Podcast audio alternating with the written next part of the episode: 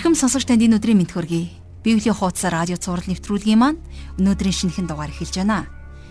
Тэгэхээр өнгөрсөн дугаарт бид иш үзүүлэгч Изекиэлийн Ерүсалим болон Израилийн ард түмний дээр Бурхны шүүлтийг тунхагласан тунхаглалын талаар нэгэн сонирхолтой хичээлийг үзэж сурсан байгаа. Тэгэхээр түүний хүчтэй тунхаглал өнөө цагийн итгэгч танд ч гэсэн нэгэн сэрэмжлүүлэг болж хүрсэн гэдэгт би хувьдаа итгэлтэй байна.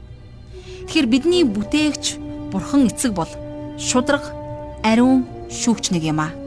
Тэрээр Израильчүүдийн дээр аимшигтай шүүлтийг буулгасан нь тэдэнд өөрийгөө бурхан гэдгийг л мэдүүлэхийн тулд байсан. Энэ нь тэгвэл өнөө цагийнханд ч хамаатай гэдгийг ухаарах нь чухал.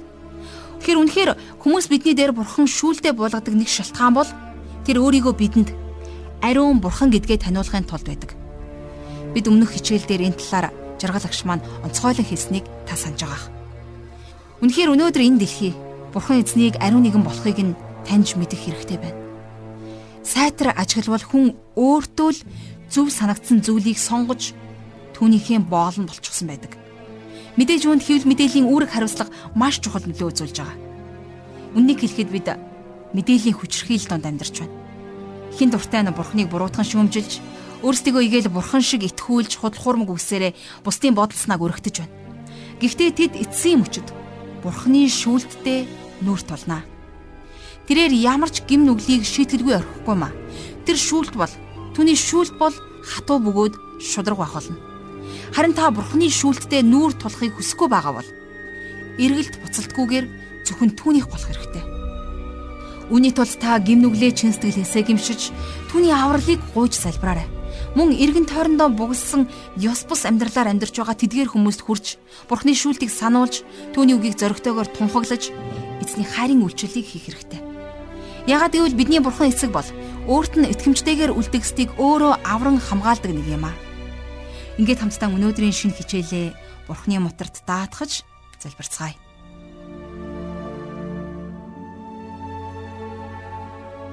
Итгэмжид ариун бурхан аав минь. Та бол энэ дэлхийн хамгийн шудрах шүүгч үлээ. Таны хүүхдүүд болсон бид энэ цагийн төлөө танд талархаж байна. Эзэн минь, энэ өдөр бид таны үгийг судалж, таныг улам илүүгээр таньж мэдхийг хүсэж байна. Бид гаднаа итгэгч дүртэй боловч харин ам амьдрал маань бидний үйлс маань үл итгэгч хүнээс ч долоон дор байдаг. Харин аваа өнөөдрөөс эхлэн тийм хоёр нүртэй итгэгчд байхгүй тулд та энэ цагт бидэнд өөрийн үгээ өгөөч. Та биднийг засч залруулаач. Та зөвхт байдал руу чиглүүлээч. Мөнхийн эзэн минь ээ та бидэнтэй тулж ажиллаач. Харин их эзэн минь бид зөвхөн таны хүслийг дагж таны үгэнд дуулууртай амьдрахад та өөрийн үгээрээ биднийг босгон байгуулж та өөрийн үгээрээ бидний дотор ажиллаа хийгээч. Мөнхийн эзэн минь бид таны үгийг улам илүү ойлгохын тулд ариун сүнсээрээ энэ цагийг та удирдан жолоодорой. Таны хайртай хүү бидний их эзэн Есүс Христийн нэрээр энэ цагийг даатхан залбирanгуйч байна. Амен. Ингээд хамтдаа жаргал ах шиг хичээлд анхаарлаа хандуулъя.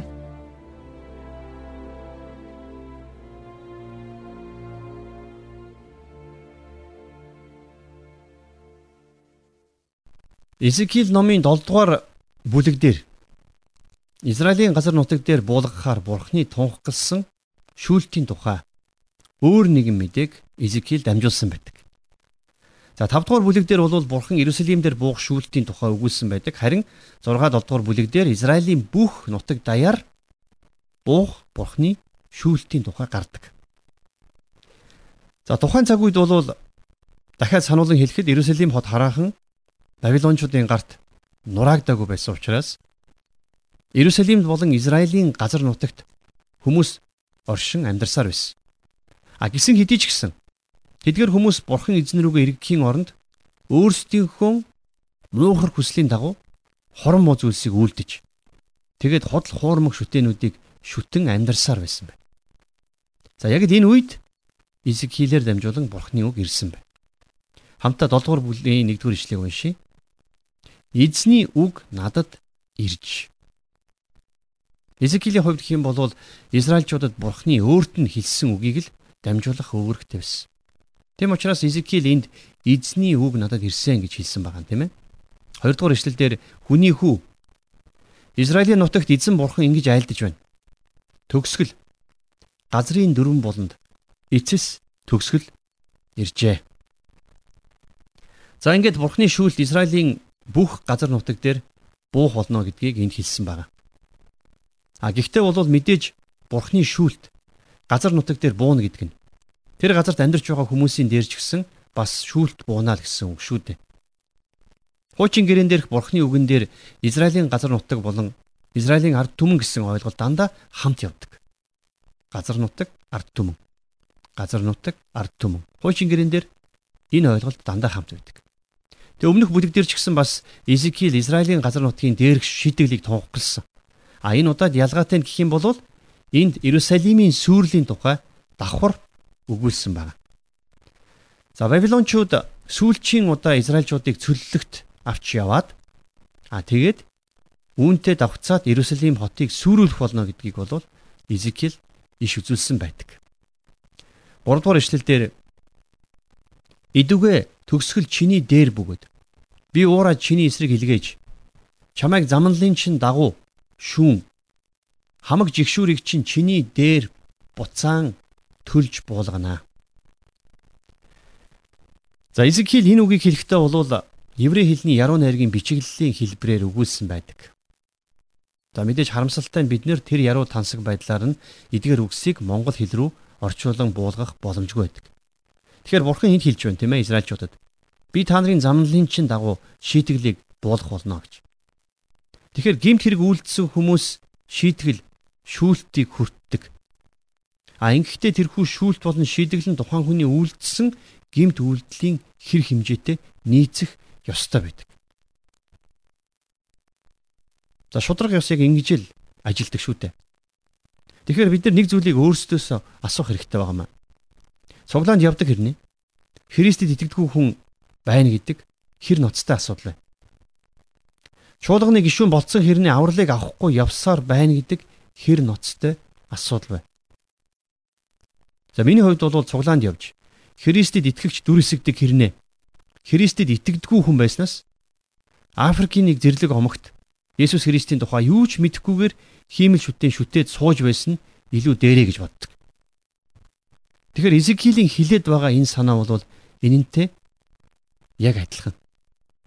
Бурхны үгийг хэдий чинээ их сонсож, хэдий чинээ их мэднэ.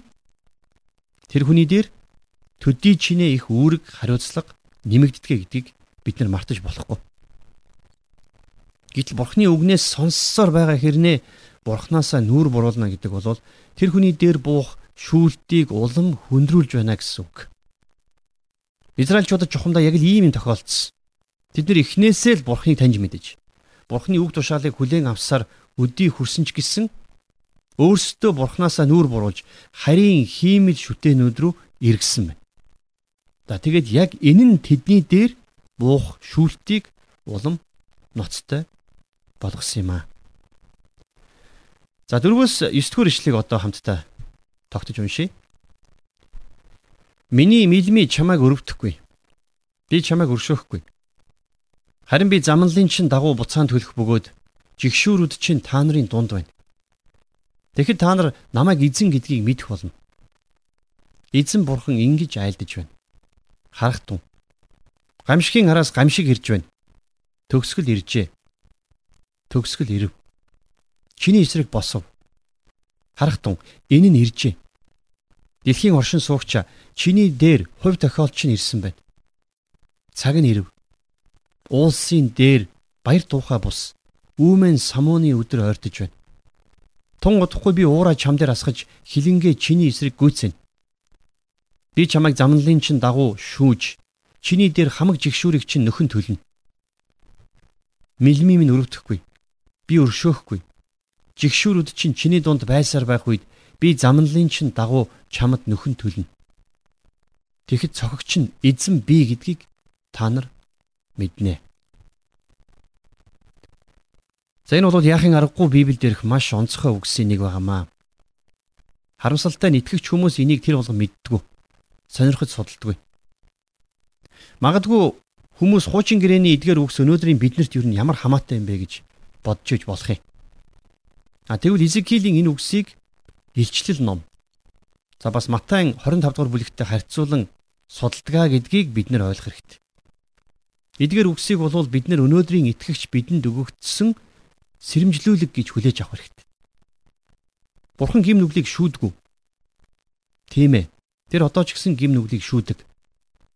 Тийм ч учраас Паул иймээс бид нар эзнээс имээхүйг мэдж хүмүүсийг ятгадгиймаа гэж 2 дугаар Коринтын 5-ын 11 дээр хэлсэн байна. Өнөөдөр маш олон хүмүүс өөрсдийгөө итгэгч гэж нэрлэжгээд яг л итгэдэггүй хүн шиг амьдралаар амьдарсаар байна.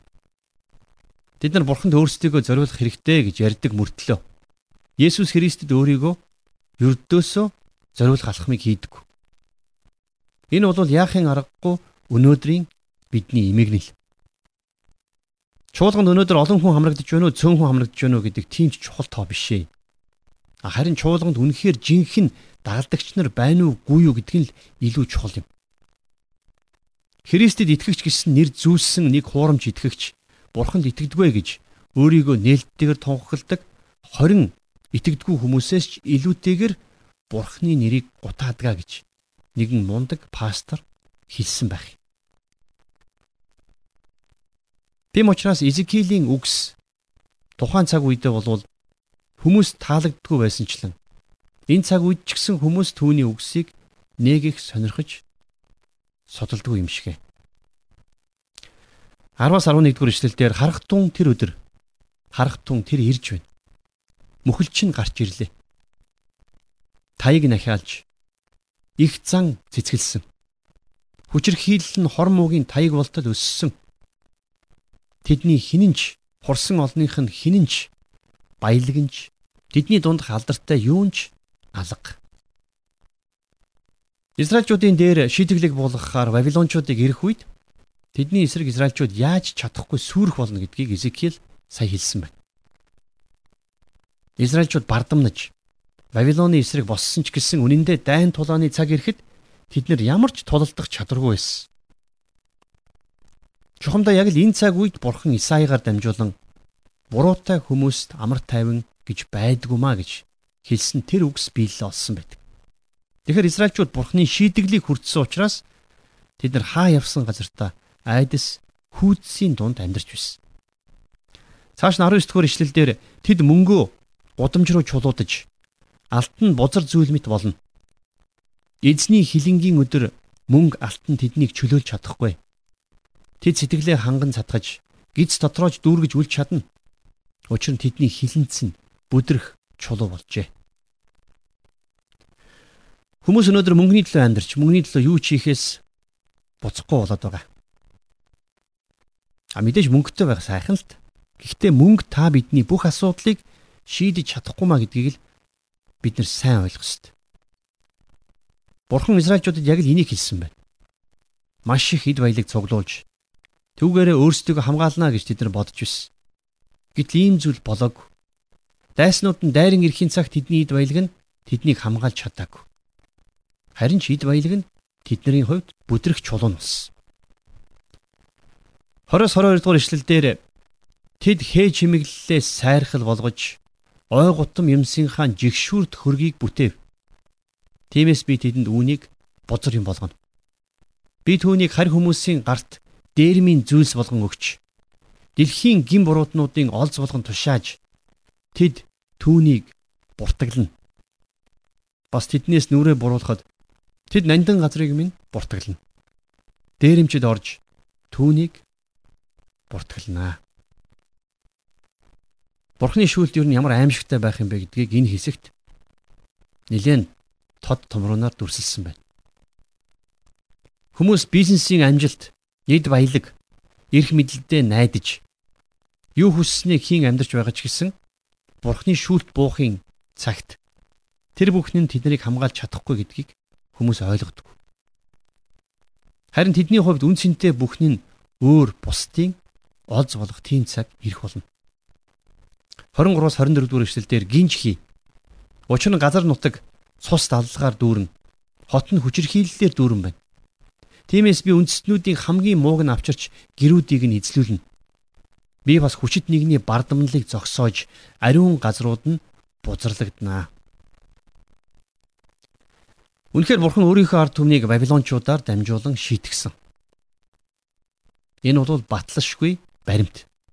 Түүхийн баримт. Та бид нар ч гэсэн бас өөрсдийгөө Бурхны ард түмэн гэж тайвширч болохгүй.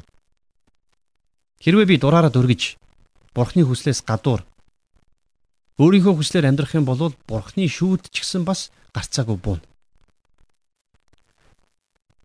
Ажаад байхны өнөөдөр итгэгч нар Изекиэл номыг унших тийм ч дуртай байдгүй маа. Энийний оронд хүмүүс Иохны 14-ийг уншихыг хүсдэг. Тэгээ мэдээж энд буруу юм байхгүй л гэхдээ Изекиэлийн 7 дугаар бүлгийг ч гэсэн бид нэр мартах учиргүй юм. Библийн нэг бүлэг нөгөөгөөс илүү чухал байдгаа гэж бид нэр эндүрч болохгүй.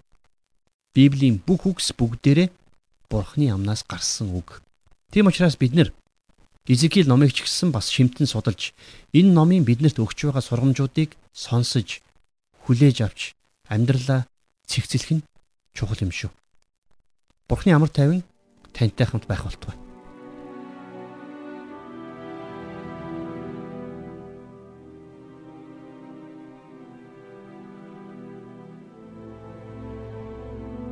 Тэгэхээр өнөөдрийн хичээлээр бид Израильчууд Бурханаасаа холдож химэн шүтэнтэй холбогдсон алт мөнгө эд баялагт найдаж байснаасаа болж бурхны шүүлтийг амссан талаар нэгэн сургамжтай ишлэлийг багцаар нь суралцлаа.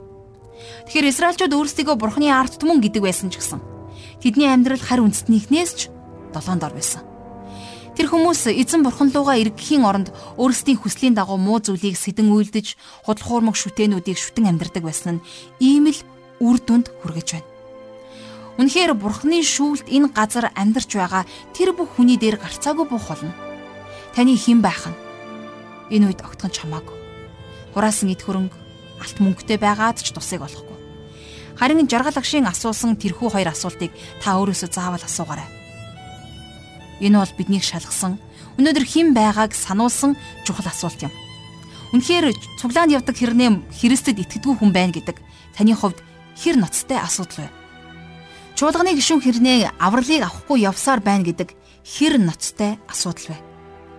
Христэд итгэгч дүр эсэгдэг хэрнээ түүнд үл итгэгч байна гэдэг миний хувьд маш аюултай, маш рисктэй санагддаг. Бурхны үгийг хэдий ч нэ сонсож, их мэдж бидний дээр тэр хэрээр үүрэг хариуцлага нэмэгдэж байдаг нь үнэн. Тиймээс жаргал агшийн сануулж хэлсэн энэ үгийг та битгий мартаарай. Үнэн дээр Бурхны үгийг сонсдог хэрнээ Түүнээс нүүр буруулна гэдэг бидний дээр буух шүүлтийг улам илүү хүндрүүлж байдаа гэдгийг ойлгож авах нь энэ хичээлийн гол зорилго байлаа. Тэгэхээр итгэгч ахан дүүс минь бүгдээрээ хоёр нүүртэй амьдралаас зайлсх эзгэй. Энд дэлхийн хүмүүсийн хүсч тэмүүлдэг тэр бүх зүйл Бурхны шийтгэл буух цагт таныг аварч чадахгүй гэдгийг ойлгож харин эзний хүслийн дагуу амьдрцгаая гэсэн үгээр өнөөдрийн хичээлээ өндөрлөе. Та сурч мэдсэн зүйлийнхаа төлөө Бурханд талархах цаг заавал гаргаарай. Хамтдаа залбирцгаая. Бурхан Аваа, таньда өнөөдрийн хичээлийн төлөө талархлыг өргөн залбирч байна. Бид таны үгнээс сурч, таны бидэнд өгч буй сургамжийг хүлээж, тэгэд үнэхээр ивэлтэй цагийг таны сүнс дотор хамтдаа өнгөрөөж байна. Танд бүхий л алдар магтаалыг өргөн залбирч байна. Израильчууд бурхан эзэндээ найдахын оронд алт мөнгөнд найдаж бурхнаасаа нүүр буруулж байснаас болоод шийтгэлийг амссан шиг ийм эмгэнэлтэй байдалд орохгүй тулд итгэгч биднийг та хамгаалж өгөөч. Биднийг хоёр нүртэй амьдралаас чөлөөлөөч эзэн. Бид хоёр эзэнд биш харин нэг л эзэн, нэг л эзэн бурхан танд үйлчилдэг байхад та биднийг үгээрээ сургаж, дадлагжуулж, төлөвшүүлээч. Бид итгэлийн амьдралдаа хэрхэн амьдрах ёстойг ариун сүнсээрээ та бидэнтэй ярьж, бидэнд хэлж, зааж, зааварлаач. Эзэн бурхан минь бид танд оюун бодол, зүрх сэтгэл, ам амьдралаа өргөж. Эзэн бурхан таны цорын ганц хайртай хүү. Бидний итгэлийн зохиогч Есүс Христийн нэрээр залбирanгуйж байна. Амен.